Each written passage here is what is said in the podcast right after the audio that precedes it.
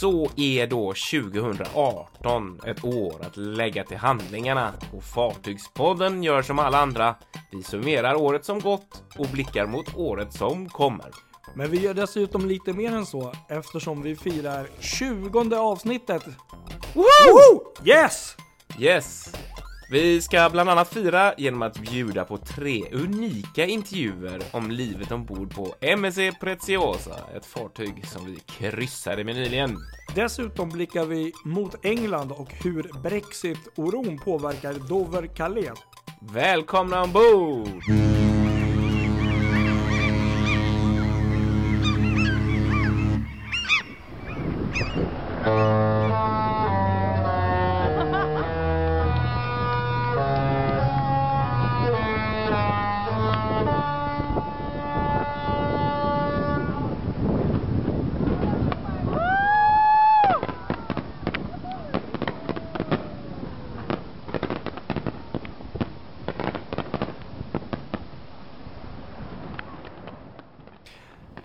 Den där tutan känner man igen.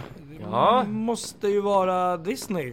Ja, stämmer. Det har vi ju pratat om i förra avsnittet. Och nu tänkte jag, nu är det ju faktiskt lite, lite fest här med nyår och vårt 20 avsnitt. Så då får man ju faktiskt eh, bjussa på lite ljud från precis Disney. Det här är Disney Fantasy. Eh, som bjöd på ett läckert förverkeri och lite tutande med, med hornet, med tutan. När hon eh, kom på sitt första anlöp i Port Canaveral i mars 2012. Så det är rätt länge sedan. Ja. Men läckert ändå. Fyrverkeri bjuder de ju på där. Det hörde vi om i förra avsnittet eh, när vi djupdök i hur det är att kryssna med Disney. ja, precis. Ja, Tål att gå tillbaka till för er som inte har gjort det. ja, verkligen. Nej, men det är häftigt. Fyrverkeri tackar man inte nej till. Nej, verkligen inte. Apropå förra avsnittet, eh, har vi, vi brukar alltid gå igenom ros och ris sådär från våra avsnitt. Har vi hört något egentligen från förra gången? Det är ganska nyligen faktiskt. nu, nu har Ovanligt vi, nyligen. har vi faktiskt skärpt till oss här. Ja, verkligen. Så att, verkligen. eh, det, det, nej, alltså jag, jag har nog inte sett eller hört eh, någonting att det skulle vara någon ris. Har du hört det eller sett? Nej, nej, jag har inte jag heller faktiskt, Vi- vi- utan eh, det, det, det var mest bara glada tillrop att vi äntligen kommit med ett avsnitt, för Ja. att det var ju, det gick ju lite för länge där så. Ja. Så att eh, det var ju mycket, mycket hurra. Och så tror kommer vi tillbaka det här nu, sista dagarna, eller första dagen i nya året. Vi får se när Ja. det släpps. Men, ja, Ja, överraskande. känns fantastiskt. Ja. Och avsnitt 20 Ja, dessutom. det är ju lite bara, häftigt. bara det är ju häftigt verkligen. Faktiskt. Och eh, ja, vi kan blicka tillbaka på ett 20, 2018 här med, där det blev åtta avsnitt. Mm. Eh, kanske inte lika, uppenbart inte lika mycket som det blev eh, första året som vi hade podden, men men eh, men, ja ja, åtta. Inte fy skam det heller. Jag tycker att, eh, nej precis. Men jag tycker ändå att eh, kanske lite färre, lite mer osammanhängande, alltså sådana här tidsschema du vet som vi har haft tidigare. Men jag tycker ändå har levererat eh, nästan ändå bättre innehåll många gånger. Ja, faktiskt, att, håller med eh, dig där. Det har väl tagit Vilka ut- avsnitt det blivit. Ja, Och vi hade ju som ett mål att försöka hålla ner tiden till en timme, men det, det tror jag vi har lyckats med någon enstaka gång bara.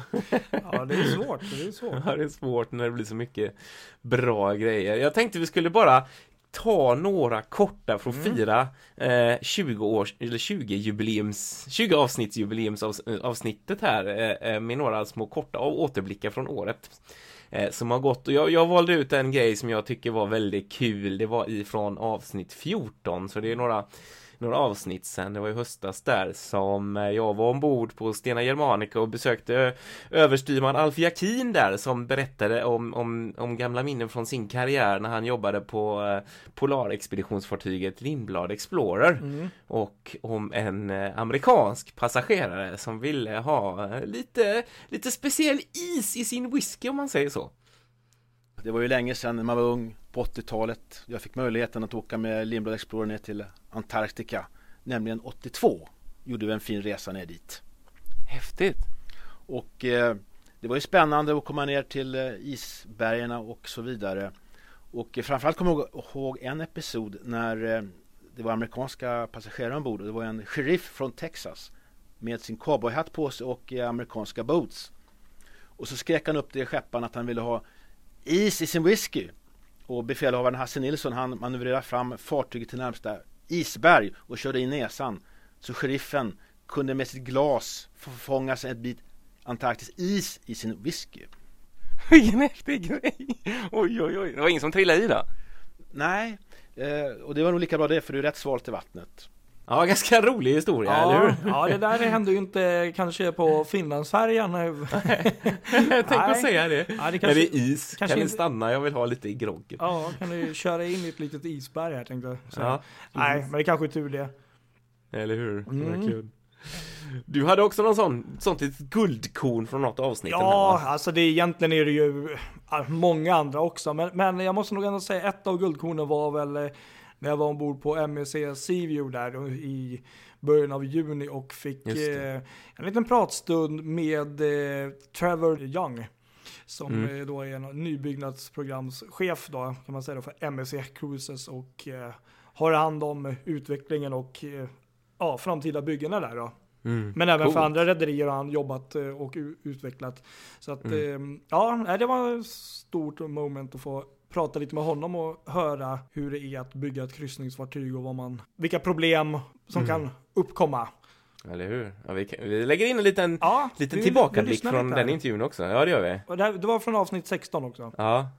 we're designing something basically 10 years in advance, and that's very difficult to do because we don't know what uh, future trends are. We have an idea, and we're researching that all the time. But what we do is we try to build in as much flexibility uh, into into the future for us.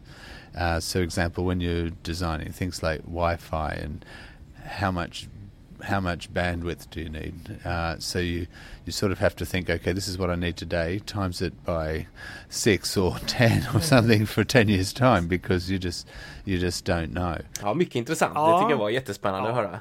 Nej, det är ju verkligen en, en, en man på rätt plats som vet vad, vad han pratar om. Så att, eh, är det något man undrar över så Mm. när det gäller fartygsbyggen och komplikationer och allt vad det är så är det ju Trevor Ja. Man ska prata med. Verkligen ju. Ja. Precis, helt klart. Sen vet jag att du vurmar också för is. Isbrytare Ja. var en annan grej som Nej, du jag tyckte tyckte var kul. det var riktigt kul. Det var ju faktiskt du som gjorde en riktigt fin intervju med Linda Svensson på, um, på isbrytaren Atle där. Som, Ja. ja. egentligen, ja, hela intervjun var ju verkligen alltså, intressant. Och eh, kul att veta, höra lite hur det är att arbeta på en isbrytare. Ja, eller hur? Ja, jag minns också det faktiskt Mm. hur de eh, berättade, eller hur hon berättade där om Mm. hur de hur hon hade varit med om att ramma extremt mycket is. Just det. Vi kan ju lyssna på henne här när hon berättar det. Ja, Eh, Jag jobbade på Oden förut och där brukade vi ju säga att Oden har ju tagit sig igenom nio meter tjock is. Ja, gisses, jag läste det någonstans där. Ja. Nio meter Ja. alltså. Och då, då rammar man ju isen, alltså man tar sats och så kör man på och så knäcks den lite och så kan man ta Ah. sats igen och, och tugga sig igenom liksom. Ja, det är som en så tjock vall då egentligen som man bara ska igenom. Ja, precis. Det kan ju vara så. Mm. Annars är ju närmsta vägen genom isen är ju alltid att gå runt isen. Så brukar vi ju alltid säga. Ja, det är inte, det. inte lägga någon kraft på att ta sig igenom massa sådana där partier. Ja, om man inte behöver. Ibland så kan man ju behöva Oden när hon är på expeditioner och uppe i Arktis och när vi var nere på Antarktis också att, det, att man kunde behöva knäcka sig igenom något sånt där parti. Mm. För att eh, sen var det lite lättare. Ja, spännande. Vilken Ja. grej va? Vilken Nej, det var en grej. riktigt fin intervju tycker jag. Ja, vilken dröm att få vara med om det alltså. Ja, det där är en dröm. Att eh, Mm. någon gång få vara med på ett sånt typ av fartyg, någon expedition eller någon Eller isbrytare. hur? Det, det måste Ja, verkligen exakt. vara Coolt. cool upplevelse. En annan sida av sjöfarten verkligen. Ja, En annan grej jag måste lyfta också. mm. Eh, Titanic, Ja. och. Titanic-experten Claes-Göran Wetterholm. Eh, jag mötte ju honom här i Göteborg när de öppnade den eh, nya utställningen fort- som fortfarande finns att se här fram till mars. Eh, The Titanic Exhibition. Eh, I avsnitt 18 så hade vi en intervju lite med honom. Eh, om där han fick berätta om sitt Titanic, eh, sin fascination för Titanic och massa grejer och då vet jag, jag frågade honom sådär om Han har ju vikt sitt liv åt Titanic Mm. och skrivit böcker och då frågade jag honom vad det var det senaste han lärde sig om det här fartyget och det var ju mycket riktigt bara något han lärde sig en liten stund före den här intervjun om fartygets sista manövrar som han hade läst i någon bok. Eh, det lät så här då. Alltså det är så mycket små detaljer som dyker upp i huvudet. Det kan ju vara till exempel hur en korridor ser ut eller hur en livbåt var placerad eller hur man satte skyltarna på livbåtarna. Det kan vara precis vad som helst. Eh, det, det är exakt vad som helst. Så att jag lär mig ju hela tiden. Jag är den som lär mig mest. Jag sitter, där, jag sitter ju där och läser och läser och tänker men det här har jag ingen aning om. En intressant grej att till exempel i en amerikansk bok det var en författare som skriver om det som egentligen är fullständigt självklart. När första styrman Murdoch ger orden om att styra undan och gira babord när man ser isberget. Då går ju automatiskt hela akterpartiet upp mot isberget och borde rimligen slås sönder av de underliggande delarna på isberget. Men de är helt intakta. Varför? Okej, ja. Varför? Jo, och det finns inte några protokoll i sjöförhör eller någonting. Vad Murdoch gjorde var att han först gick babord, sen gick han styrbord. Men det är aldrig någon som har sagt det. För att i, i, i och med att han gör det, då styr han upp båten och gör en S-rörelse så att han räddar hela rakterpartiet och på det sättet så räddar han fartyget från att sjunka mycket, mycket snabbare. Oj, okej. Men hur, hur vad, liksom, vad tror du var hans intention med den manövern då liksom? Hans intention var helt enkelt att, att göra en S-rörelse runt isberget och klara henne på det sättet. Men som han sa till kapten Smith, och det var någon som hörde det, att vi var för nära. Det gick inte. Ja, fantastiskt Ja. kul. Det var roligt. Tänk att man alltid kan lära sig saker. Man är aldrig fullärd. Ja men Det det är ju så, det är alltid kul. någonting nytt man lär sig och just Titanic är ju en sån där, um, det finns ju massor med andra självklart också, men en- det är ju en sån speciell story.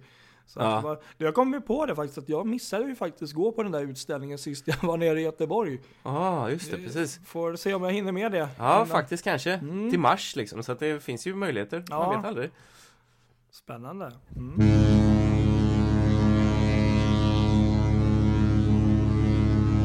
Ja, vi rullar vidare i detta fina Ja, jubileums och nyårsavsnitt. Ja, vi går vidare och blickar tillbaks till hösten lite grann faktiskt. Ja, Vi har ju varit ute och kryssat. det har vi. Igen. Ja, ja, igen. Fantastiskt. Det här var ju en otroligt kul kryssning som du och jag och några vänner gjorde mellan eh, Genoa, Marseille och Barcelona mellan 22 till 24 november ombord på MSC Preziosa. Ja, precis.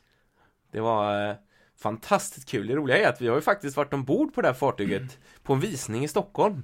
Eh, som vi också pratat om här i podden lite grann. Eh, och nu så fick vi åka med henne på riktigt också. Ja, jag för mig att det var kan det inte varit någon gång där i maj som hon gjorde sitt premiäranlöp i Stockholm? Och då, Ja. då var jag ombord och gjorde en liten ombordvideo där. Eh, Mm. Stämmer.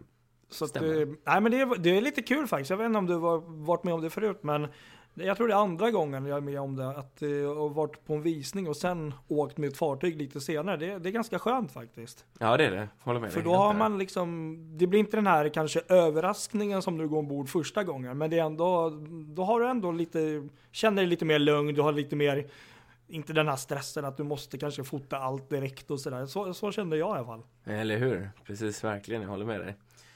Men det var ju en liten speciell resa också Ja. för att hon eh, Fartyget hade varit på varv i, i, eh, i Palermo var det för mig. Ja, Eh, och kom till Genoa precis kvällen innan när vi skulle gå ombord just det. och skulle börja sin eh, långa, långa resa över till Karibien där hon spenderar sin eh, vintersäsong nu då så att det var ju en hel del och det var mycket, många av besättningen som byttes och mycket nytt ombord sådär som var så det kändes ju att det var lite nytt så att säga. Ja, precis.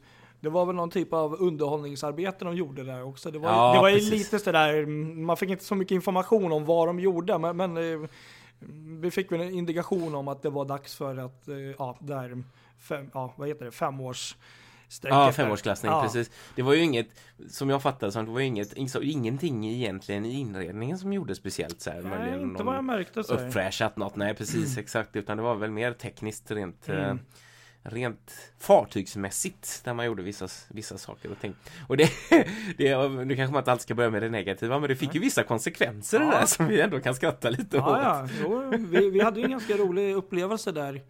Det måste Ja. man ändå skratta lite åt. Det, det, Ja, faktiskt. man behöver ju inte alltid tycka alltid skit bara för att det inte går som man hoppats. Nej, men eller hur. Ja. Precis. Vi fick ju lite problem med vattnet ombord. Ja, just det. Det fick Ja. Rätt, jag tror det var under, var det under första kvällen, det var det va? Som vattnet försvann, precis, ganska precis före vattnet. De ropade ut i högtalarna att det fanns ingen vatten ombord vi. överhuvudtaget. Ja, varmvattnet var det väl? Ja, först var det vattnet, i alla fall det som man hörde Jaha, var. okej. Eller om det var, så här var det kanske i och för sig, att varmvattnet försvann i våra hytter. Ja. När en av våra kompisar skulle duscha så att, så att han, Han hade en... hans rumskamrat plötsligt hörde ett i Ja. inifrån duschen. och det, ja, kan man ju förstå verkligen när vattnet plötsligt blir En kallt. riktig kalldusch med andra ord. En riktig kalldusch, ja, Ja. precis, exakt. Nej, men det var väl på hela fartyget som eh, Ja. varmvattnet försvann vad jag förstår. Eller hur? Jo men så var det på hela fartyget. Och likadant lite senare då så försvann allt vatten så att det blev, man såg en och annan som hade lite panik där Ja. inför middagen. Ja, Men sen kom det tillbaka och, och eh, sen hade vi något dygn där med, med lite problem med vattnet. eh, Så det kom och gick och lite olika delar av fartyget och så vet jag de låg in i Marseille där extra länge och bytte någonting och hade sig så att eh, de, de, de jobbade ju på, det var någon som hade lite svettigt tror jag nere i, i Ja, maskinrummet med att laga det där. Om det var någon läcka eller vad det kan ha varit. Våra grannar, våra som vi åkte med, våra vänner där, de hade ju tyvärr lite mer otur med, med duschen, för det var väl Ja. kalldusch hela resan. Ja, det gick någon sån skarv Ja. däremellan precis där vi bodde så de fick mer kallvatten än vad vi De- fick för vi bodde i en egen hytt då, du och jag. Ja. Och vi hade ändå De hade lite mer eh, kall eh, sån här eh, moment av hela kryssningen på, på grund av det, Ja. tyvärr. Lite så. Men, men det var väl lite så kände jag att eh, man måste ändå vara ärlig liksom att det kändes väl lite som att det var mm, liksom direkt efter ett eh, vad heter det? Ja, sånt där besök på varvet och att det var lite stimmigt, lite så här att eh, det blev lite små problem och det var lite, jag tänkte lite samma sak när vi skulle eh, käka middag där första kvällen. Det var ju, ja det var det. lite myrornas krig där tänkte jag säga. Att det Ja, var, det var det. Eller hur? De hade på något sätt schabblat bort vårt, vårt bord och Mm. lyckats sätta några andra gäster vid det bordet. Så att vi, vi hade inga, alltså det var huvudrestaurangen Mm. då, vi hade inget bord. Så när vi kom så fick vi stå och vänta ett bra tag för dem att de skulle lösa något annat bord. För att det är inte, Mm. tydligen inte helt lätt i det där bokningssystemet och bara byta ut och det går ju inte att sätta oss på något annat bord för att då kanske de gästerna kommer och så blir det Precis. massa problem. Så där fick vi stå ett tag Ja, och vänta. Så, såg sånt lite där är ju aldrig riktigt ut. kul. Ja, lite så. Men det, när vi väl eh, kom till bord så, så så lös, blev vi lugna. ja, men det är väl det som är ganska kul för att oftast när man läser på sådana här forum och sånt så tycker jag att det är ju oftast väldigt, ja men det är negativt och man ska väl självklart ta upp det också när det är lite så här problematik. Men det som jag ändå tyckte personligen som var så fantastiskt med den här resan var ju att det var ju lite stimmigt, det var lite kaotiskt där i början. Mm. Men om vi sen hoppar fram ett dygn så blev ju hela den här matupplevelsen, restaurangen, Ja, ja. det blev ju så jäkla bra och med den här, Ja, um, det blev det verkligen. Det blev det verkligen. ja, du kan ju berätta själv lite vad som hände där. Vi, Ja, det var helt fantastiskt Mm. också för vår, en av våra i sällskapet där är, är, är glutenintolerant. ja, Och eh, fick liksom lite specialservice då för tydligen, det där var, det var jätteintressant, Mm. hade jag ingen aning om. För eh, det är inte vem som helst som får hantera glutenfri mat ombord. Utan det är liksom hovmästaren Mm. som gör det. Så vi hade ju honom vid bordet och han var ju supertrevlig och tog verkligen hand om oss hela sällskapet och inte bara eh, vår vän där som, som hade som hade gluten, den fri- glut- glutenfria maten då utan hela, hela sällskapet blev uppassat av honom och det var fantastiskt kul och han var jätte, jättebra. ja, så var det intressant när han berättade hur de behandlade just glutenmaten ombord. Mm. Och så var det väl något, eh, någon liten sån där event som hade hänt tidigare fast uppe på buffén. Där vår vän hade i princip fått gluten, glutenbröd men fast han hade bett om att inte få det. Och det, Ja, det som jag tyckte var imponerande var ju ändå att eh, att eh, han såg, han ju ta det på allvar liksom, att han skulle prata med dem och, och eh, Mm. så att så får det inte gå till. Så att eh, Nej, precis. han, han kände Ja, sig det väldigt... var just det, det var tydligen ett, ett visst företag som gör den här Mm. glutenmaten och sen levereras det ombord och så är det ett det är speciella kockar som har en viss färg, för alla, alla kockar har ju de här eh, klassiska scarfs, Mm. olika färger sådär och då är det vissa som har, som har eh, en egen färg där. Som bara hanterar glutenmaten då. Mm.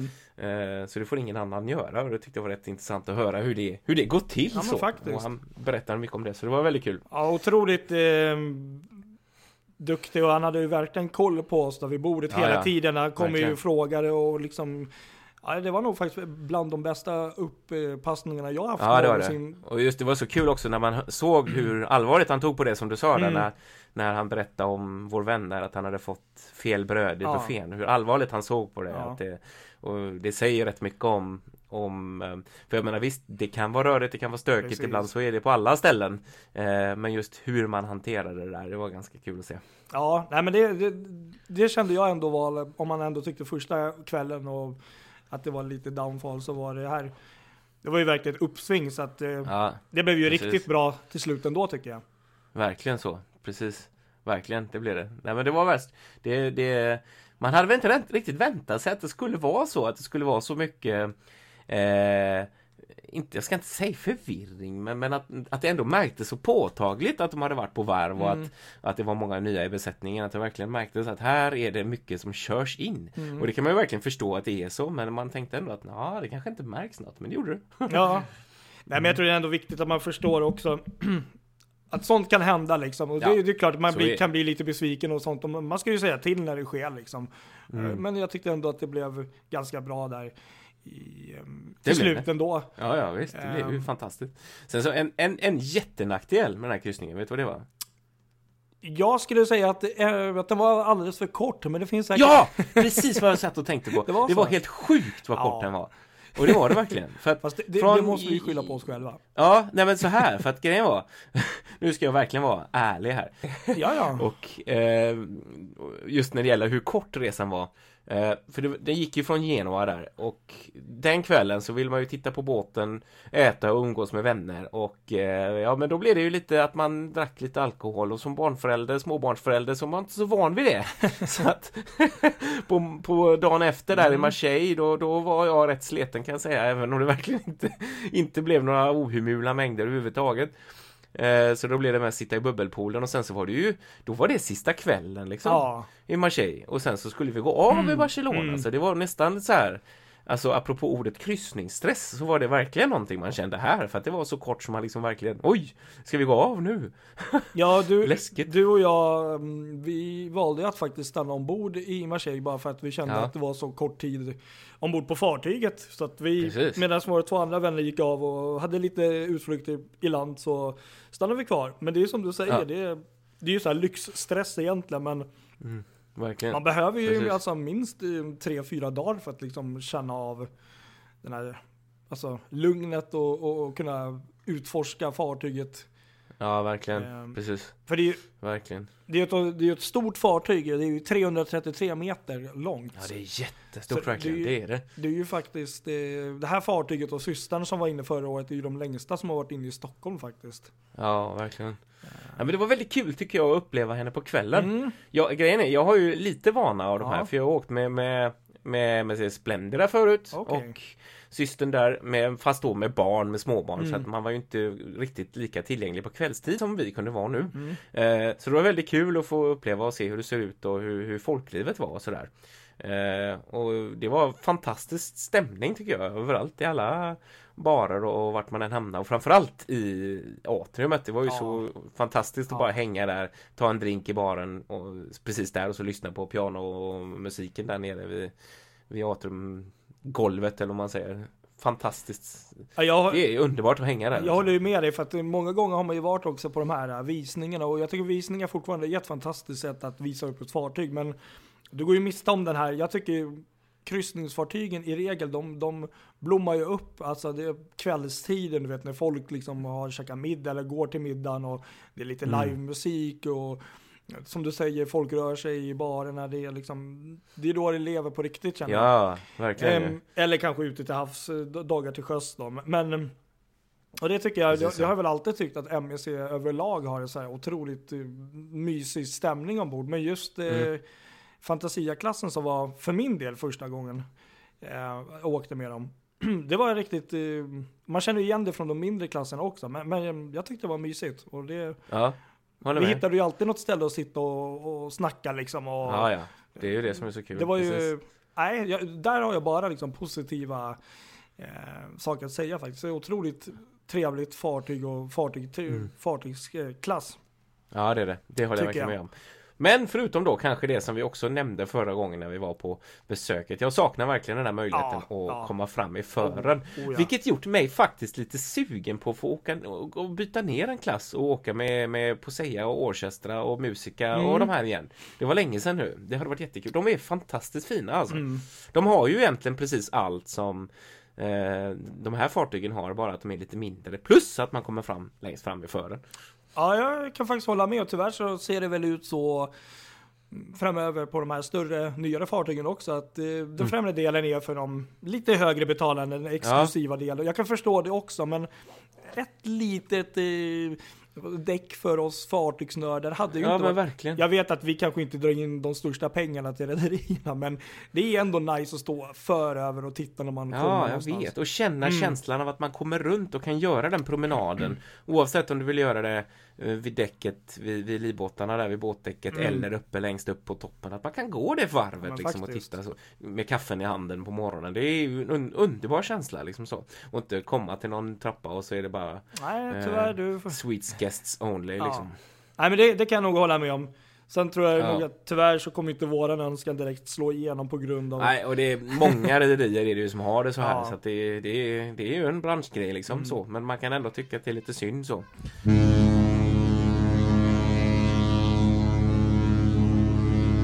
Ja, alltså den här kryssningen som vi gjorde den var ju fantastisk på så många Ja, sätt. verkligen. Eh, inte minst eftersom vi var lite smartare där och kontaktade MSC och berättade att vi kommer från Fartygsbåden. Precis. Gud vad trevligt sa MSC då och tog emot oss med, med bokstavligt talat eh, öppna famnar. Ja, Verkligen, vi fick göra tre stycken riktigt kul intervjuer med, med ett par eh, mycket viktiga personer ombord som har Mm. olika, olika jobb. Och jag tänkte vi ska börja lyssna på den första av dessa tre. Michel Bellino, eh, han har det angenäma jobbet som hotelldirektor ombord. Alltså, han är ju då eh, Ja, många likställer ju hotelldirektören, om man nu översätter det till Mm. svenska, med, med att han är lika viktig som, som eh, kapten himself. ja, du ställer ju frågan Så- också här. Inte, Ja, får se så vad han vi får lyssna lite vad han säger. Ja, precis. I'm Michele Bellino from Germany and I'm the hotel director of MSC Preziosa. Ah, so you're from Germany? Yes, I'm from Germany. Germany, Italo. So my parents are from Sicily. But I was born in Germany and grew up in Germany. I studied in Germany. I did everything in Germany. Some say that you are a little bit more important than the captain. Ah, this is always a point, um, a critical point, critical uh, uh, uh, question. If you ask me, of course, I'm uh, more important, of course, but has to do with the story. Uh, I cannot tell you if uh, one is more important than the other. We have uh, a different, different uh, responsibility. Um, in the end of the day, I think my work is much more than this from, from the captain. His responsibility is uh, bigger than my. Um, this is, I think, the difference. But I will not say my position is more important than the captain, or captain's position is more important than mine. So we are on the same level. I see, yeah. But, but describe for us uh, how how how is your work? What are your uh, to explain a, typical day? What are you doing on a typical day? A typical day, I wake up, I do my round uh, on the ship. Um, I start almost in the in the pool area uh, at the buffet, and then I going down also up. I do, don't do uh, every day the same round, so to and also not on the same time, so that uh, our staff doesn't know when I come, because of course then there is everything programmed, and um, yeah, I check the overview of the ship and this is also for what I'm in charge. I'm complete for the complete hotel department. It's mean it's a floating hotel, and uh, I'm in charge for everything um, what touched uh, the guest uh, service. Uh, not to move the ship, and not for the engine, but all the rest. Uh, I'm the man. Uh, as a hotel director, do we have a lot of uh, contact with guests or?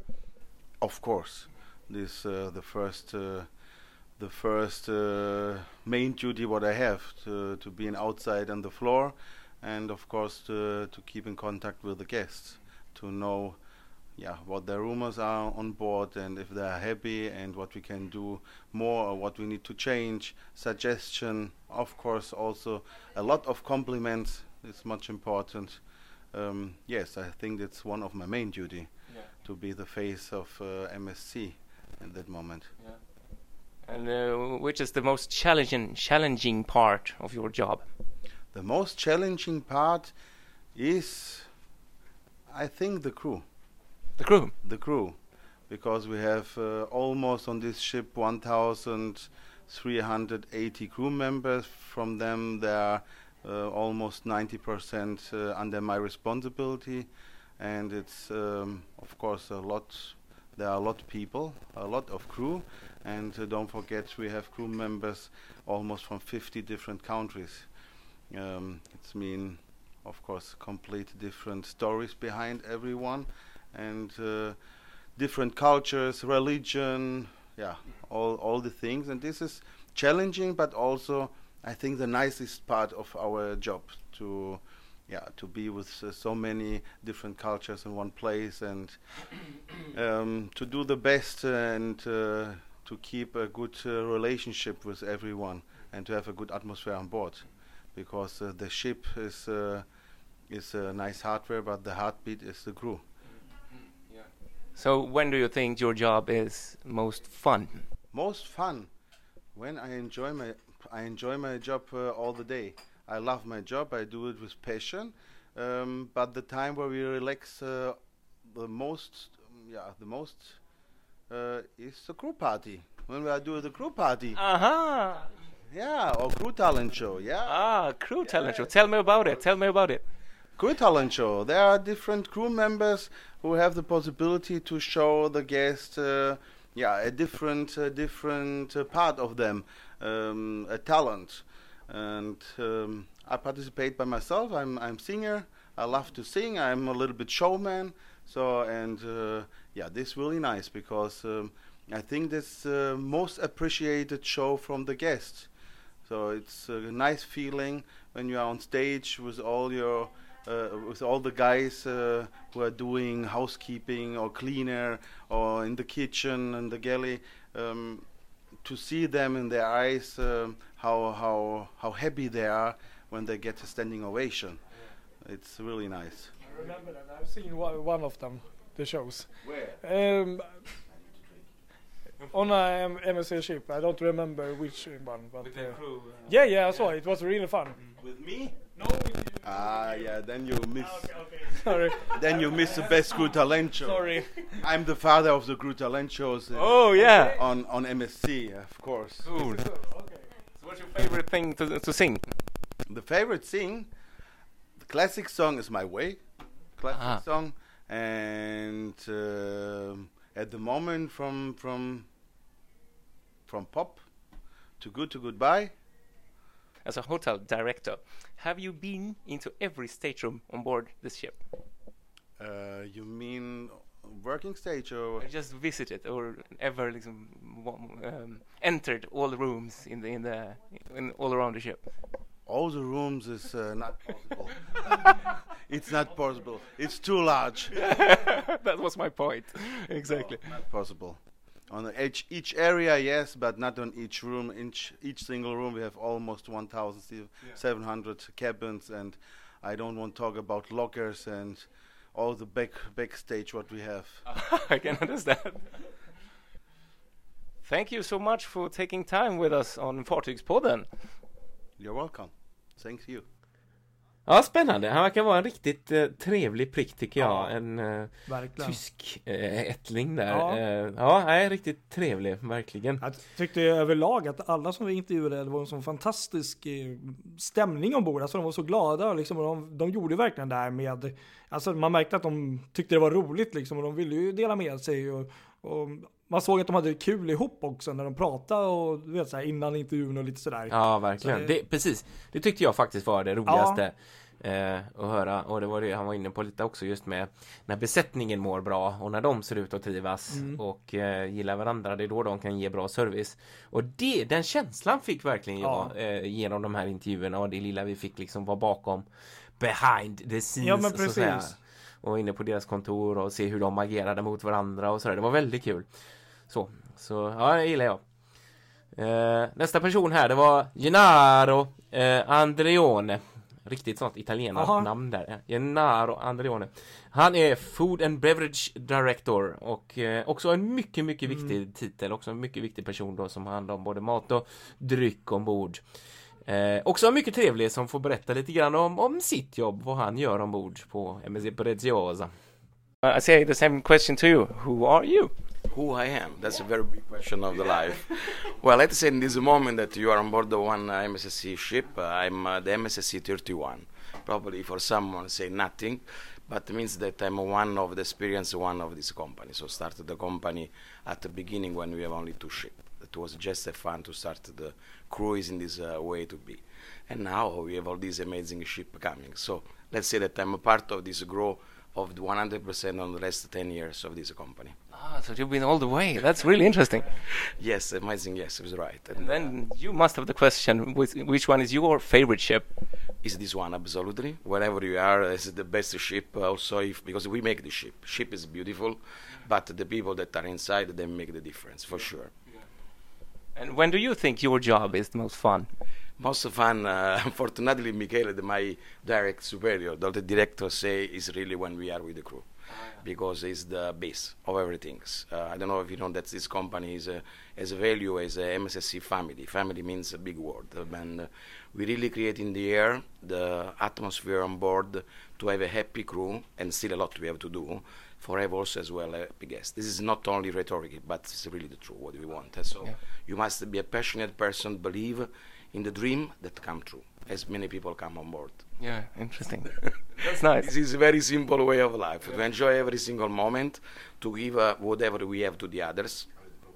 And I think it's the best way to have hospitality. Hospitality, we are lucky that we say we work in this world, but it's just an attitude. It's not a work. It's like a vocation to have for this uh, way to be. And in MSSU, we found uh, this atmosphere. Every times our guests, they come back to be with uh, someone of us. Probably, where is Michele, where is Gennaro, they will come there to, to spend also with the people what is the atmosphere that they lived before. That's it. They know you in person and come back to to meet you. There is also this in MSSC, exactly. Yeah.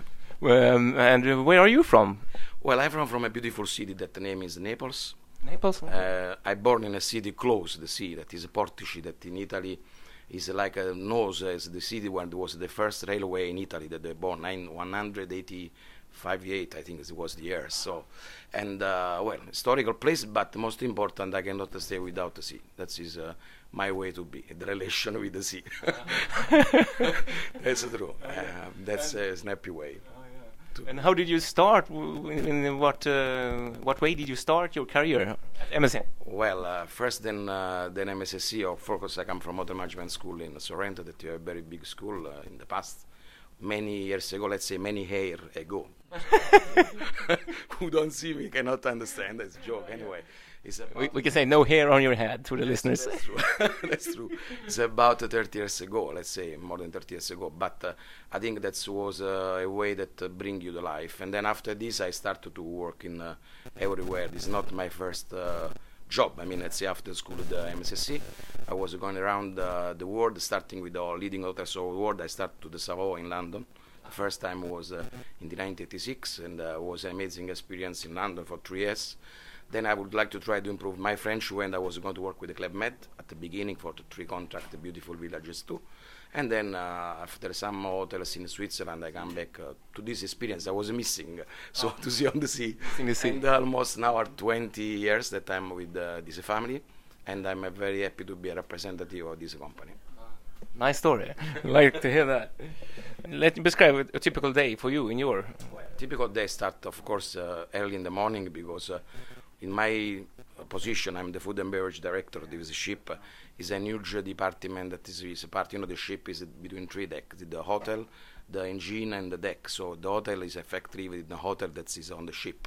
and it's the most bigger with the huge responsibility and a, huge, a lot of people to take care. So my people normally are the my subaltern is the executive chef with the brigade on this ship of about uh, let's say uh, 280 crew member.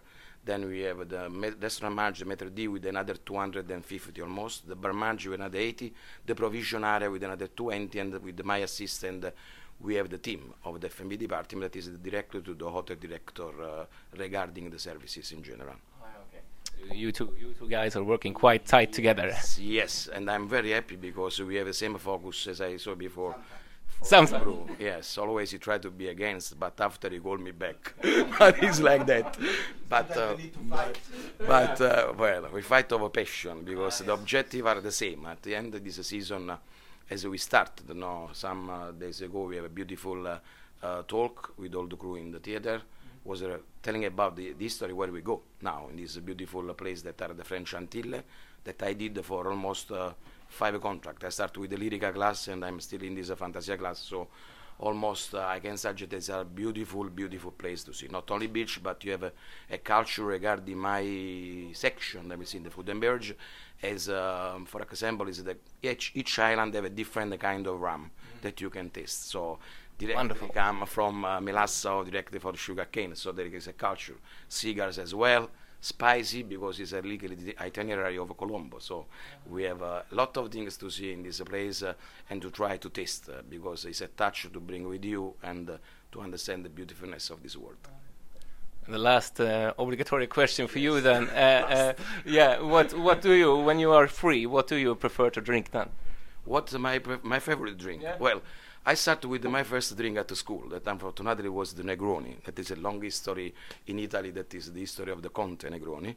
And uh, I started, I love to drink this one always when I'm with friends. But of course, if you're in a place that you will enjoy with a local drink, I won't try straight on to say what they are there, what they do, and what they take from the, the, the liquor, I mean from the basically. Ja, spännande. Ja. Det där låter verkligen som att han har, han har hittat hem om man säger ja. så. Nej, men det är ju alltså, det är alltid kul när man pratar om fartyg och rederier och allt, men, men när man hör ifrån personalen ombord som liksom lever ute till havs, de jobbar med det här dagligen liksom. Man ja. märker att det här är ju liksom en livsstil för dem. Man hör hur mycket Alltså det är ju inte bara ett jobb känns det som, förstår du? De, de Nej, precis, lägger själen i det här. Det, det är häftigt ja. att höra. Det tycker jag man det är hör både precis. med Hotel Director och eh, Gennaro här. Ja, verkligen. Sen eh, träffade jag även en annan. Det var den första personen som vi träffade ombord och eh, de andra två må vara riktiga höjdare ombord men, men det... Nu ringer de från MSC här. Nu ringer de från ja, MSC ja. Ja, ja, trevligt ja. Nu har vi ju sagt fel. Oj då. Så. Stäng av telefonen Patrik. Ja, den är avstängd nu. Ja, då, det är lugnt. Nej, eh, den tredje personen där och den som vi egentligen träffade först mm. och hängde mest med mm. eh, Det var han som är event manager ombord Han ska få berätta själv vad en event manager gör Uh, Francesco Lamberto. I'm from Italy actually. The, the place is called Bari. It's in south of Italy. Very nice place. Uh, always uh, warm. It's a warm place, uh, even during the winter season. You work as an event manager on board. Uh, what do you do?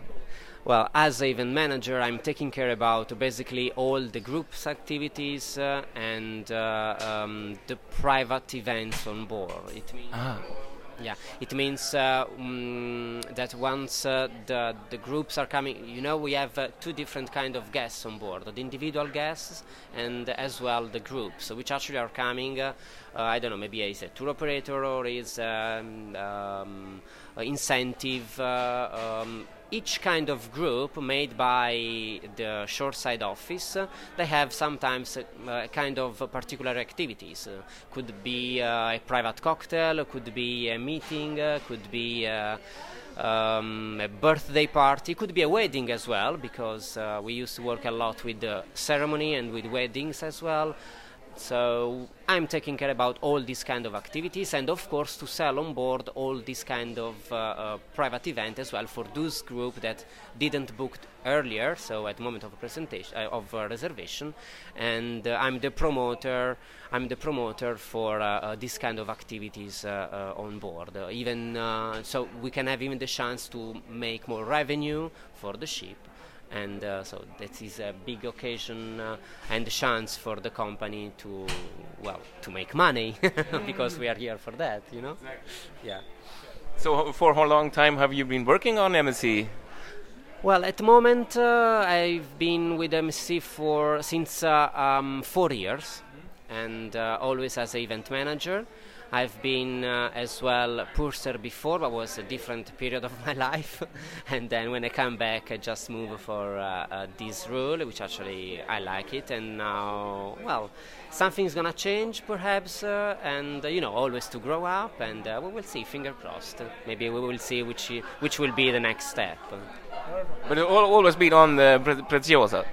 No, well, actually, not always on Preziosa because the company policy is to um, to change uh, um, uh, ships uh, depending on the needs uh, and on the availability. You know, uh, and due to the fact that actually we have uh, a six months, basically six months contract.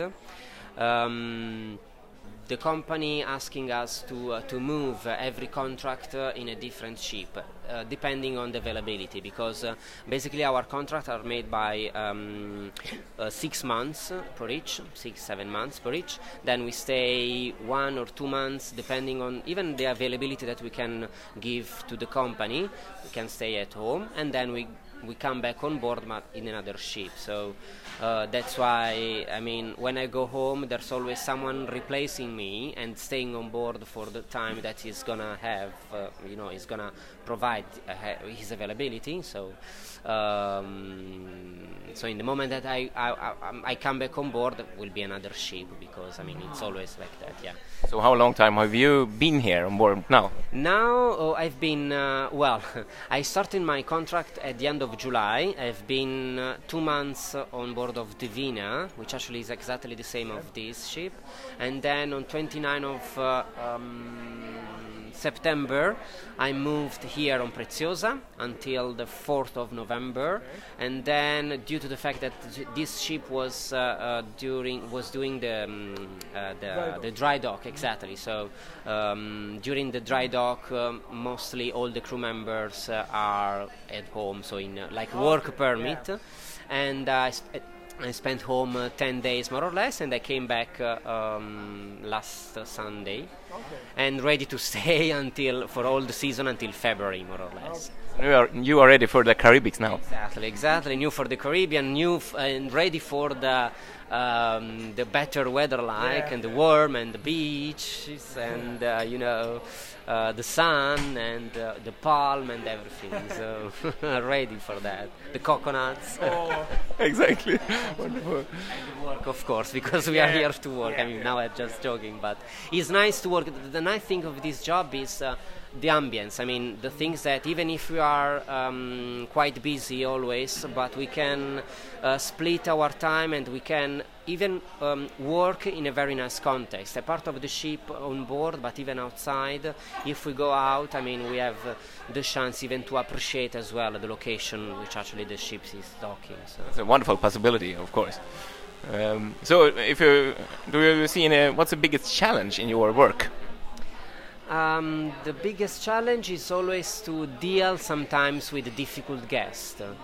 Um, not so much. I mean, with the it's a kind of um, uh, you know um, nationalities or something. It's just a matter of uh, education, which actually the person in front of you could have. So uh, there's not, in my opinion, there's not a best or worst uh, um, um, nationalities, uh, which actually is uh, much more complicated to deal. But it's just the best or worst uh, uh, guest to to work. So, uh, and the worst uh, guest to work, uh, I anticipate your question, will be of course the unpolite person. Yeah. It's always difficult to work with the unpolite person, which actually, but it's always true that uh, with this unpolite person, sometimes the smartest one can recognize their situation. And uh, the good things is that when you feel that they are recognizing them as, you know, unpolite person, they feel uncomfortable and they stop to, to act like that. So sometimes, yeah. But if you change the question, what's the most? When are your work uh, most fun? The most fun part is um, well, sometimes is um, is connecting straight to, to my job. It means that uh, the activities that I'm doing, uh, mostly of, I mean, sometimes, there they could be even some funny things, like maybe they have uh, private party or private um, activities. uh, so I have to join them during these activities, uh, and um, during these activities is a good chance for me to uh, to check, of course, the the activities because it's ma- it's part of my job, and uh, of course to um, make part of uh, um, the fun that actually the guests are uh, are having on board. So it's you know it's like the balance. so. I see. That's funny. Um, what do you think you will be in five years from now? Well, five years is too much. Maybe even next contract. no, well, five years. Um, well, in um, management position, of course. In a management position, of course. So, um, you know, the hotel department here, they have different uh, um, different positions and uh, um, so um, maybe one day even hotel director who never knows uh, that one is uh, uh, the top of the top for the hotel department and um, but step by step uh, of course uh, i will uh, I will reach that kind of. I'm focused on that, so step by step I will do my best to reach that target. So Francesco Lamberto. Eh, riktigt härlig prick som, eh, som vi faktiskt eh, satte oss och tog en drink med efteråt Ja, sen. Eh, och Vad bara hände? hängde med. Nej, han, var, han var ju faktiskt helt, vi måste bara säga det att alla som vi fick intervjua var ju fantastiska, men eh, Francesco han var ju, alltså det var en sån här kille, man, man kan inte liksom, det är bara en kille man gillar liksom. Ja, jag vet, precis. Det var ju kul för, för eh, när vi eh, träffade honom första Mm. gången där och skulle göra en intervju med honom här så kom det, så hade han en trainee med Just sig. det, just det. Eh, som hette Lina Ginaki. Ja. Och eh, det var väldigt roligt Ja. för jag vet, jag, hade, jag såg henne i eh, i eh, receptionen och jag hörde hon satt och pratade i telefon Mm. eh, i svensk, på svenska men just då tänkte jag inte, när hon kom så tänkte jag inte på att det var hon Nej, inte jag heller. För så kopplar man ju inte, så rätt som det är när hon hörde när du och jag satt och pratade för hon hade ju inte tänkt på oss Nej. Så började hon prata till oss på svenska Man bara oj! vad ja, är det här? att jag tror han, vad heter det, eh, Francesco, han presenterar ju oss på engelska. Och Ja, bara, hej! precis så. Ja, hej! Ja, vi bara, va? Det var rätt roligt. Just det. Precis. Så att eh, hon gick som trainee där och ska, ska ta över eh, hans jobb eh, om jag fattade saken rätt där i alla fall. Eh, inte men nödvändigtvis på Preziosa men, men eh, på någon av MSC-båtarna eh, som event manager då.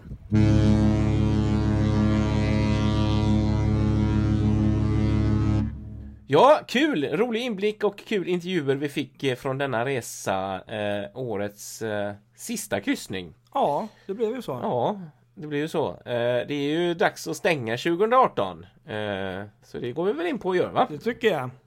Ja. Vilket år det blev! Vilket fantastiskt år! Ja, verkligen. Verkligen! Det- Om man ser det med sjöfartsögon då. Ja, det är ju svårt att... Eller ja, man vet ju vissa favorit eh, man hade där. Verkligen, helt klart, helt klart. Det, det finns många bra grejer att ta med sig om man tänker inte bara rent att det finns mycket fartyg som vi har skådat och eh, kikat på så har vi fått se en och annan inflaggning eh, när det kommer till fartyg från, som fått svensk flagg under året, vilket är kul. Vi har fått se många nya fartyg med nya färjor Mm. som eh, har byggts och som håller på att levereras. Jag tänker på bland annat eh, en färja som just nu är på väg hit Just eh, till Sverige. Eh, Visborg, lite försenad dock Mm. men eh, eh, kommer som en fin början på 2019 istället. Den är i alla fall färdig. Vi hade ju. Paul Ferris tidigare i höstas Exakt, också. exakt med Nova Star Just där. det. Riktigt kul, verkligen. Och eh, så har de ju börjat köra helt nya inte helt nya, men under helt kons- nytt koncept där mellan eh, Helsingborg och Helsingör. Mm. Eh, de har målat om färgerna där med ett nytt brand som ser väldigt snyggt ut också. Så det har hänt mycket grejer under året, verkligen. Och så har vi ju fått Stena Vinga här i Göteborg, Ja. det får man ju inte glömma. Nej. Fantastiskt kul ju. Det är, är inte varje dag man får en helt ny färja i sin egen stad där jag bor liksom. Så det, ja, det var stort. Och eh, kryssningssäsongen, ja vilken säsong. Mm. Det var ju inte något rekord här i Göteborg men, men ändå eh, väldigt många anlöp. 43 stycken tror jag vi landade på. Eh, många stora bjässar, Norwegian Breakaway Ja, bland annat där som, som jag minns som en sån Mm. eh, riktig, riktig höjdare. Det var eh, riktigt skoj att få se henne här. Eftersom vi har åkt med henne så var det lite speciellt faktiskt. Årets största Ja, skulle jag säga. det var lite synd att eh, just eh, Norwegians fartyg inte gick in till Stockholm i år. Eh, De gick in förra Ja. året, men det var väl var och varannan anlöp som ställdes in på grund av väder och vind och det var väl något problem med någon propeller eller något förra året där med något fartyg så att de gick bara till Nynäshamn i år tyvärr. Just Men däremot Precis, så hade exakt. vi rekordår igen här i Stockholm. Det känns som att det är nästan varje år vi har ett nytt rekordår här. Ja, faktiskt. Verkligen. Jag kommer tyvärr inte ihåg hur många anlöp det var, men, men vi hade ett rekordår i alla fall. Ja, nej, det har jag siffror på här. Det var 268 i Ja. Stockholm var det. Det är ju, Eh, det är något fler. Eh, 263 jämfört med 2017. mm, Så, men, men sett i passagerarvolym så blir det 619 000 mot 600 2017. Så det är ett litet hopp eh, uppåt får man ju säga. det är väl också faktiskt. på grund av att fartygen blir väl också större, så att det är väl antagligen fler Ja. som kommer med i varje fartyg. Kan jag tänka mig. Ja, ja, visst. Jag måste ju bara flika in och säga då, årets anlöp i Stockholm, det var väl ändå helt klart eh, Meraviglia, eller hur? Även om man nu får bunta Ja, ihop Kapellskär, Nynäshamn och var- Stockholm det- till en så är ju det... Det, det var nog eh, inte nog, utan det var ju, det är mycket MSC nu, men, men eh, fan, de har gjort ett bra år, så är det. Ja alltså. men fattar du, världens femte Ja. största kryssningsfartyg kom till våra trakter. Det var ju helt fantastiskt.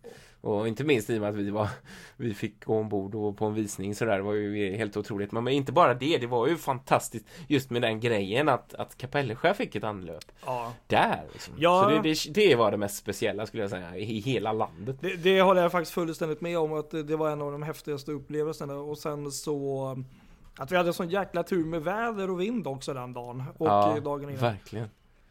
Sen vet jag sen om man ska gå tillbaks till Göteborg här, Mm. nu hoppar vi lite fram och tillbaka här mellan alla grejerna men En grej som jag minns det var verkligen eh, Det var när Mindshift 1 Ah, Nybygget just Mindshift det. 1 kom Ja. till Göteborg där första gången 2 maj, det var, det var, ex, det var riktigt häftigt även om det är eh, En lite större variant på de vanliga det. så var det ändå Det är alltid lite speciellt och hon kom ju liksom Det var verkligen hennes jungfrutur Det var liksom första resan som hon kom på också till Göteborg Mm. och det blir ju lite Det blir lite extra då liksom så Sen, sen eh, tänkte jag, jo men så är det ju alltid när det är nytt och sånt. Sen måste du ju, hoppar jag till Göteborg, du får inte glömma bort eh, invigningen av Amerikalinjen. Eh, Nej, precis, den nya Ja. terminalen 13 april, Aida Kara kom som första anlöp där och invigde Göteborgs nya kryssningsterminal i den anrika Amerikaterminalen Mm. där för att knyta ihop eh, hamnens tradition verkligen där med passagerartrafik från från den byggnaden. Det var, och det har,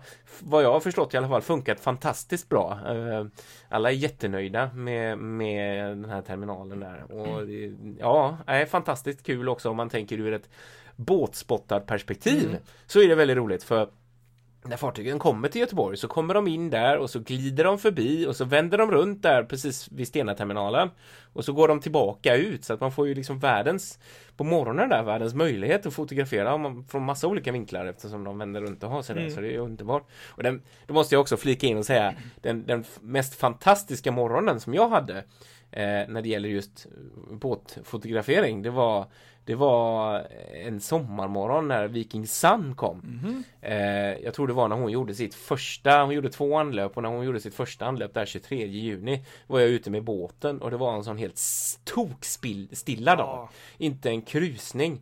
Och jag åkte med ända in, liksom följde med hela vägen in i hamnen. Och det har jag aldrig gjort förut. Och nej, det var helt fantastiskt. Vilken morgon det var. Så det är nog det fräckaste jag var med om det här året. Ja, just det. Jag kommer ihåg. I Göteborg. Kommer faktiskt ihåg eh, lite nu när du berättar om det. Jag, Ja. jag kommer ju faktiskt på en, en, en sak. Som vi Ja. faktiskt kan... Vi kan ju be alla lyssnare om det. Eh, nu har ju vi berättat lite vad vi tyckte, du vet, våra minnen och vad vi tyckte var bra. Och. Ja. Skulle det vara kul att höra lite vad, vad, vad lyssnarna och följarna tycker om. Vad hade ni för favoritinlägg, videos Verkligen. Eller från hur? oss i år? Vad vi har gjort, Ja, ja, precis. Exakt våra grejer. Ja, vad minns ni? Vad tycker ni var kul? Verkligen. Vad vill ni se mer kul att höra. av? Kanske Ja. lite så. Eller hur? Är det, är det när vi sitter och tjötar eller är det intervjuerna ni tycker bäst om? Eller tycker ni det... Ja, ni får höra av er. Vad är roligast i Fartygspodden? Jag kom ju på en sak som vi missade. Det har ju med våran kryssning med, med Ja just det, det där var också det roligaste i året. Det måste jag flika in och säga. När Patrik skulle lära sig och säga Preziosa. Det gick ju inte så bra. Nej, Nej. men Ja, fortsätt. jag kom på- en sak där med Preziosa som vi faktiskt glömde. Jaha. Det, var ju, det kom vi ju båda på efterhand. Vi, vi glömde ju faktiskt göra en sån där lite skön video när vi är ombord, Ja. vet. Ja, det var, det, där gjorde vi en liten miss faktiskt. Att, Ja, det gjorde vi. Ja. Det gjorde vi. Men det var också bara för Mm. att det var sån kort kryssning. Och vi var med goda vänner och vi hade liksom lite fullt upp att tänka på annat där. Eh, men det, ja, jag vet, det var, och vi hade lite bråttom av, eller framförallt du och, och ni som skulle upp till Stockholm Ja. hade lite bråttom av. Jag hade det inte riktigt lika brådigt, så jag, jag stannade kvar ombord och tog lite bilder på på en av eh, GNVs färjor som gick från Barcelona där vid halv elva tror jag det var. Eh, Men ja, nej, men det, det där, precis, videos överlag är ju väldigt Mm. roligt när vi gör tycker jag. Och, och lägger ut på Facebook sådär. Det blir, eh, det blir en annan dimension till podden tycker jag. Ja, ja, precis. Jag får den känslan av att många tycker det också. Så att eh, även där, kom med kommentarer, idéer om ni har någonting som ni tycker att vi ska förbättra så. Precis. Verkligen, verkligen. Ja, nej, 2018, det var ett mäktigt Mm. år. Eh, många spännande nybyggen fick vi också se. Eh, ska vi försöka glida över lite på vad som komma skall då, 2019 här då? Ja, oj oj oj. Oj, oj, oj, ja. Verkligen. Det är en imponerande lista med, med, med kommande fartyg här som man kan snegla på. jag tror det är 24 Minst sagt. stycken sammanlagt om jag inte räknar Åh fel. herregud. Ja, det är ju inte dåligt alltså. Det är ju... Oj, oj, oj. Mm. Ja, listan finns ju. Det är ju bara att använda lämplig sö- sökmotor och eh, googla på New Cruise Ships 2019 så får man upp den här listan. Eh, så vi kanske inte behöver rabbla allihopa, men det finns ju några guldkorn här om man börjar uppifrån som i alla fall jag eh, ser fram emot att få eh, se både på riktigt och online. Ja, ja så. precis. Ja. Eh, Bellissima Ja, måste ju nämnas faktiskt. Eh, systern till eh, eh, Meraviglia här som kommer nu här och det blir ju riktigt kul. Du får ju berätta varför. se. Ja, faktiskt. Jag måste ju göra det. Vi ska ju faktiskt åka Bellissima. Ja. Exakt samma rutt som vi gjorde nu med, med, med Meraviglia höll jag på att säga, fast det var det inte utan Preziosa. Mm. nu rör vi ihop det. Eh, I november nästa år ska vi åka Genoa, Marseille, Barcelona med en sjödag också. det ser jag faktiskt verkligen fram det emot. blir En riktigt sjödag kul. där. Ja, ja, ja, vilken grej. Och vi var ju ombord på Meraviglia Mm. och då är det ju alltid som det är med visningar. Det är lite stressigt och särskilt när det är världens femte största fartyg. Man hinner ju inte se så mycket för att det, man bara går igenom. Ja. Whoosh. Men ja, nej, det där ska bli riktigt, Så om, riktigt kul. om verkligen. ett år ungefär, om 11 månader, Ja. så kommer vi göra ett superavsnitt om Exakt, jag tänkte säga det. Ska, ska, om ni inte tänker lyssna på något avsnitt av Fartygspodden 2019 så ska ni ratta in oss i alla fall i, i slutet av eller början av december 2019 för då, är, då, Då- då ska man lyssna. Vad kan det bli? Avsnitt, avsnitt eh, 27 Ja, kanske? ja kanske. Nej, 30 Mm. gissar vi på. Ja, nej, precis. eh, Mycket, mycket spännande det som kommer. Jag, jag har ju en i den här listan i alla Ja. fall som kommer lite senare som jag måste ta upp. Okej. Roland Asmussen, Hurtigruten. Vad kul att du sa det, jag tänkte faktiskt också på det. Wow, wow! Det där är nog fartygets fartyg. Nu, nu pratar vi lite mindre båt Mm. här. Det är ju bara 20 000 eh, tonnare. Men, men wow alltså. Det, det, de bilderna man har Ja, sett nu från varvet visst. där de bygger den här och systerfartyget. Det är ju helt fantastiskt. Fritiof Nansen heter systern Mm. där ja. Eh, med, med hur de har tänkt apropå det här med som vi är inne så ofta på hur man ska kunna röra sig på fartyget och gå runt Mm. och var man ska kunna stå. För de har alltså byggt ett helt däck som är Tänk Symphony och Serenad, alltså Siljas. Mm.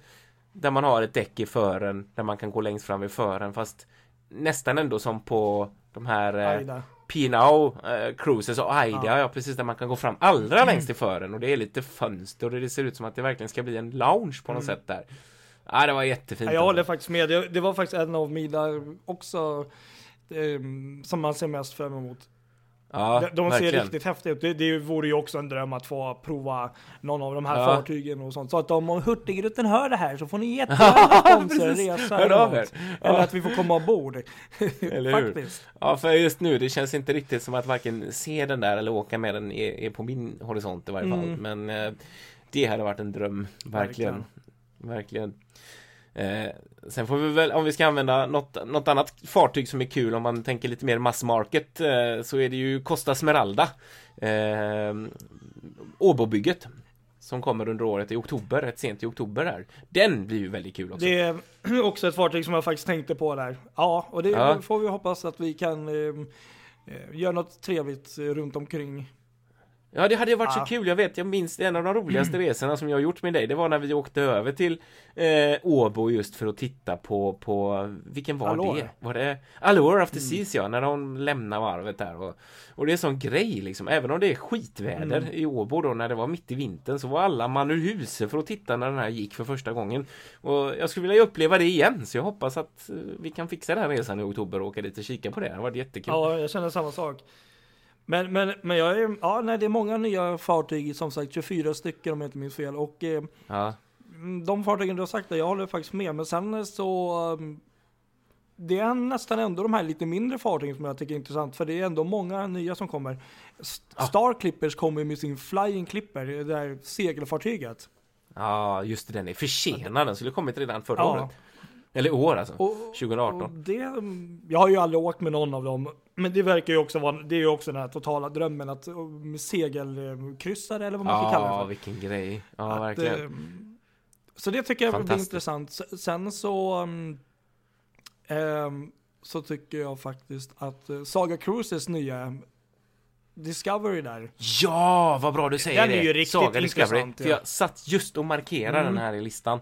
Riktigt Mm. kul. Vet du vad som är så väldigt roligt med den? Nej, Nej. Den kommer till Göteborg. nu ehm, så Nu tänkte jag inte prata något mer om det här. Nej, men okej. Hej då. Mm, nej men kul. Ja visst, Ja. den kommer till Göteborg. Mm. För det glömde jag faktiskt nämna förut när vi pratade om kryssningssäsongen. Jag tänkte jag skulle säga någonting om kryssningssäsongen 2019 i Göteborg. Okej. Eh, som verkligen ser ut och in- inte gå upp på rekordnivåer men inte långt ifrån.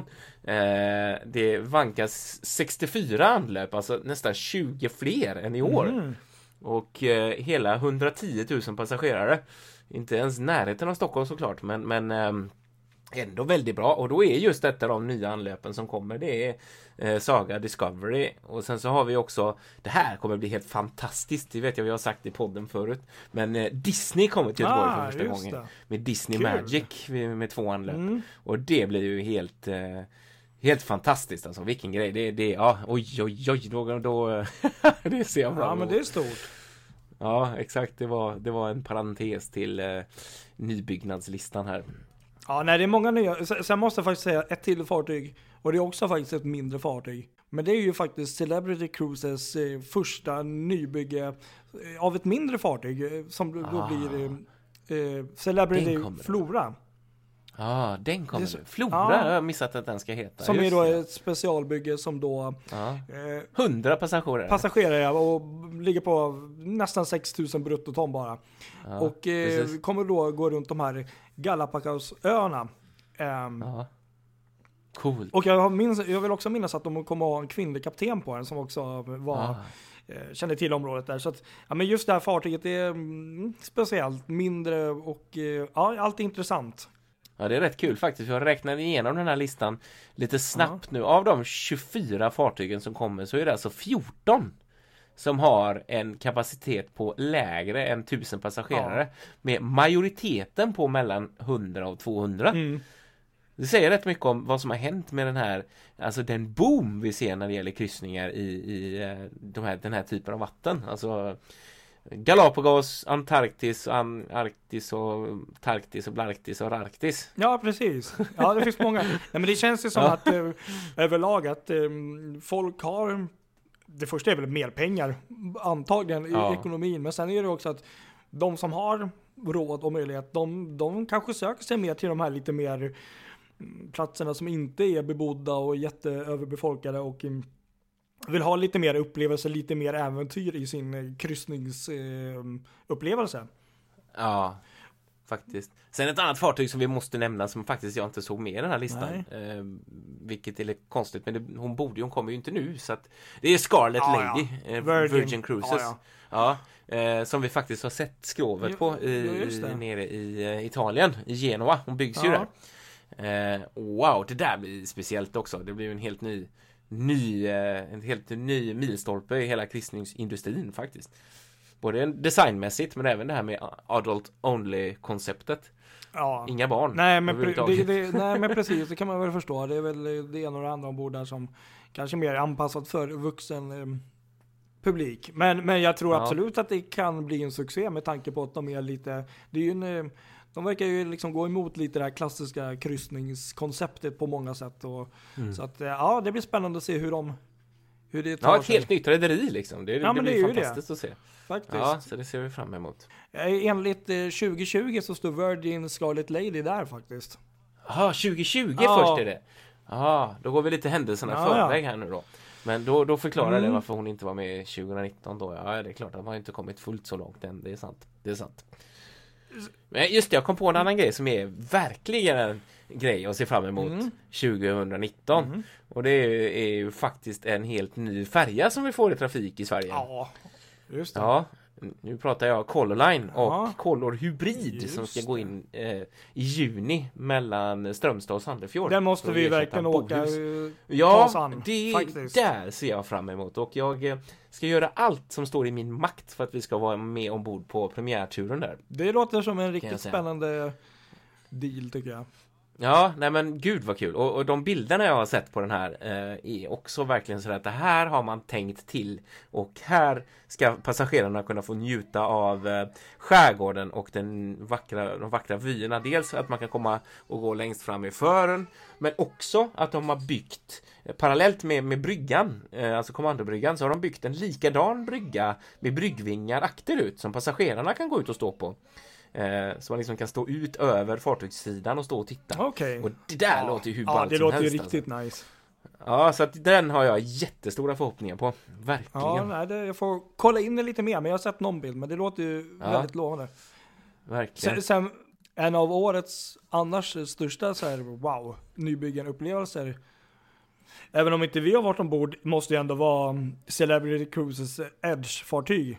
Ja, För sant. den, den har ju verkligen, eh, kom ju här nu på i slutet av året och har ju ny spännande design som verkligen eh, eh, är spännande och intressant på många sätt. Ja, det är det. Otroligt ja, verkligen fartyg. faktiskt. Verkligen. Det där är otroligt spännande att se hur, hur folk tar emot den där. Hur den där flygande mattan funkar på Ja. riktigt när de är ute nu. Eh, så. Nej, riktigt kul. Sen har vi ju faktiskt Aida Nova Ja, också. faktiskt eh, också kom Mm. ut nu precis. Och varit lite försenad i sin leverans. Så några av de här första resorna blev inställda. Eh, vet jag. Men nu, nu är hon igång i sin drift och eh, vad jag har kunnat se eh, blivit mottagen med öppna famnar av tys- tyska marknaden. Eh, så Ja, det skulle vara spännande. dröm- Och det där är ju det första, om man tänker just som vi nämnde förut, Costa Smeralda, Mm. så är ju det här det första fartyget i den nya, helt nya klassen som vi LNG-klassen. ser som, som eh, Carnival Corporation har kommit igång med här nu. LNG också. LNG också, precis exakt. Nej, det, det Häftigt. vore en det dröm att prova den grejer. någon gång. Ja, verkligen. Riktigt skoj. Riktigt skoj.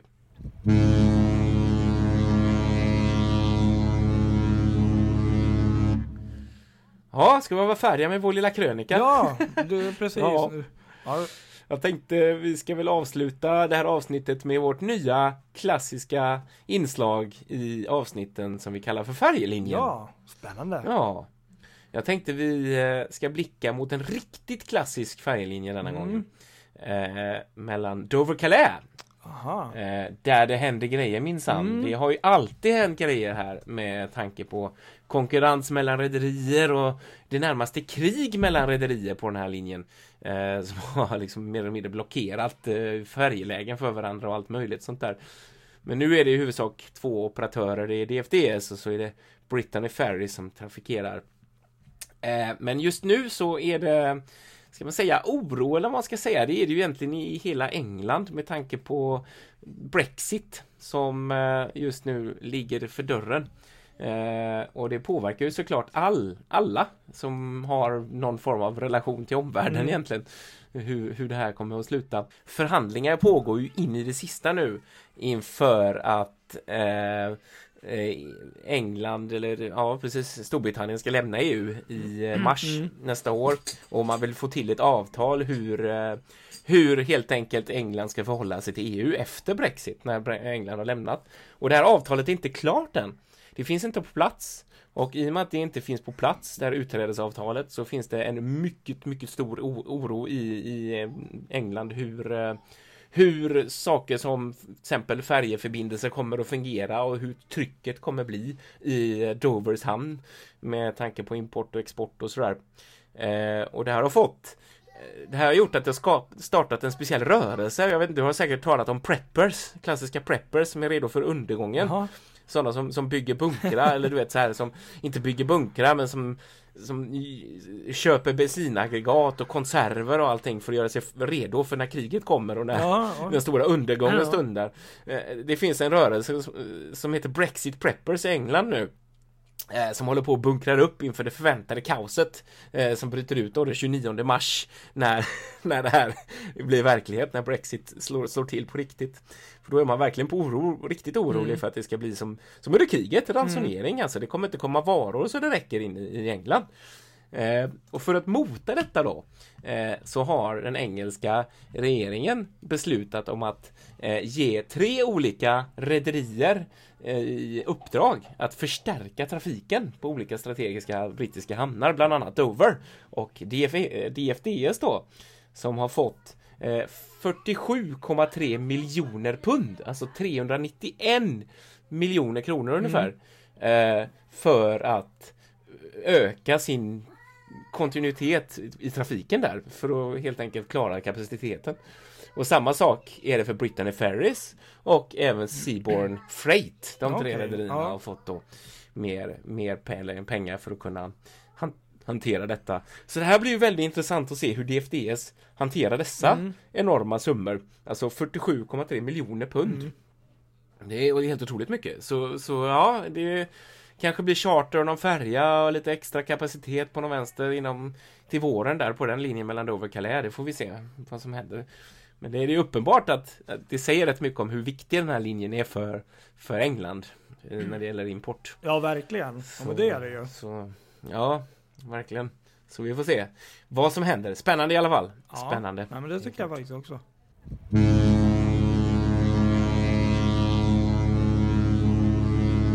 Ja, jag tänkte inte gräva mig djupare än så faktiskt i, i Dover Calais, även om det finns tiotusentals olika grejer man kan, det kan säga. man nog göra. Eh, så jag tänkte att vi ska väl ta och eh, korka upp champagnen Ja. och eh, skåla in 2019 här va. Så hoppas vi på ett eh, fantastiskt eh, sjöfartsår. Och vi har ju lite nyheter som kommer där inom ganska kort Ja, ja, ja, faktiskt. men det är precis. Ja. Men det avslöjar vi. det, det tar vi inte Nej. nu utan det tar vi på sociala medier i närtid. Det tycker jag. jag också. Nej, men eh, Ja, får tacka för det här året och men håll er uppdaterade för det händer grejer på Fartygspodden hela tiden, ständigt och det jämt. kommer det göra och vi har många bra nya idéer och vi har ju redan eh, två, vad ska man säga, resor inplanerade tidigt nästa år här. Ja, vi har ju Så det. att, eh, Precis. Vi går ut starkt känns det som. Ja, det gör det Så vill jag bara verkligen. passa på, ja men tacka alla som eh, följer och lyssnar och eh, som sagt dela gärna med er, eh, skriv gärna en recension Och eh, sen vill jag ju också tacka alla som har ja, men hjälpt oss att kunna göra de här intervjuerna och ställt upp på intervjuer Mm, och verkligen. väglett oss och eh, komma i kontakt med personer. Så att det uppskattar vi verkligen. Ja, och, eh, verkligen. Tack Har alla. ni några idéer eller liksom känner någon som det här skulle ni kunna intervjua eller komma ombord på ett fartyg så hör av er. Vi tar emot alla tips och. Det gör vi. Sen måste jag ju Med faktiskt glädje. också säga superstort tack till eh, Kristoffer här som sitter i andra änden. Det är ju faktiskt... Till mig? Ja, ja men det är ju så är det. För att du har ju ändå Ja. trots allt arbete och jobb och eh, familj varit den som faktiskt har suttit och klippt alla avsnitt och det måste jag ändå faktiskt säga att mm, där mm, kanske jag borde hoppa in och göra lite mer så det får vi väl ändra på framöver också så att du får lite mer eh, lite mer eh, Du ska få en snabbkurs. Ja, du ska få ja, en men jag tror vi får ta det liksom. Jag tror eh, det. Klippning här Så att det, framöver, det är en absolut. stor eloge att eh, Kristoffer Ja, har klippt eh, alla värmen. avsnitten här så att eh, Det är kul om det, det är kul att du nämner min familj för nu, nu spelar vi in det här på dagtid. Mm. Ofta brukar vi spela in på kvällstid. Så att om någon har hört Mm. lite barnljud i bakgrunden av det i det här avsnittet så är det mina, mina tre barn som har sprungit omkring Ja precis. Ja men så är det. Nu, nu kör vi ju dagtid här nästan. Nej men så är det. Så att, eh, stort tack till dig också och till alla Ja. andra som... Tack själv Ja. för, för alla intressanta samtal som vi har Ja. haft i podden. Och eh, kloka, kloka inlägg och eh, kommentarer och intervjuer och allt som du har bidragit med till podden. Det är alltid kul att vara med. Ja, alltid kul Det är alltid kul att vara med. Ja, nej men så säger vi. Ja men herregud, Mm. precis så är det. Vi ser fram emot 2019 som sagt. Tack så mycket och eh, ha ett eh, gott nyår. Ja, ha det bra allihop. Det säger vi. Hej med er, hej!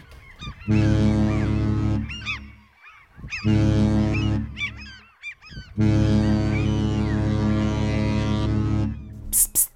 Glöm inte bort att följa oss på Facebook. Sök på Fartygspodden. Samma sak på Instagram. Det är där det händer.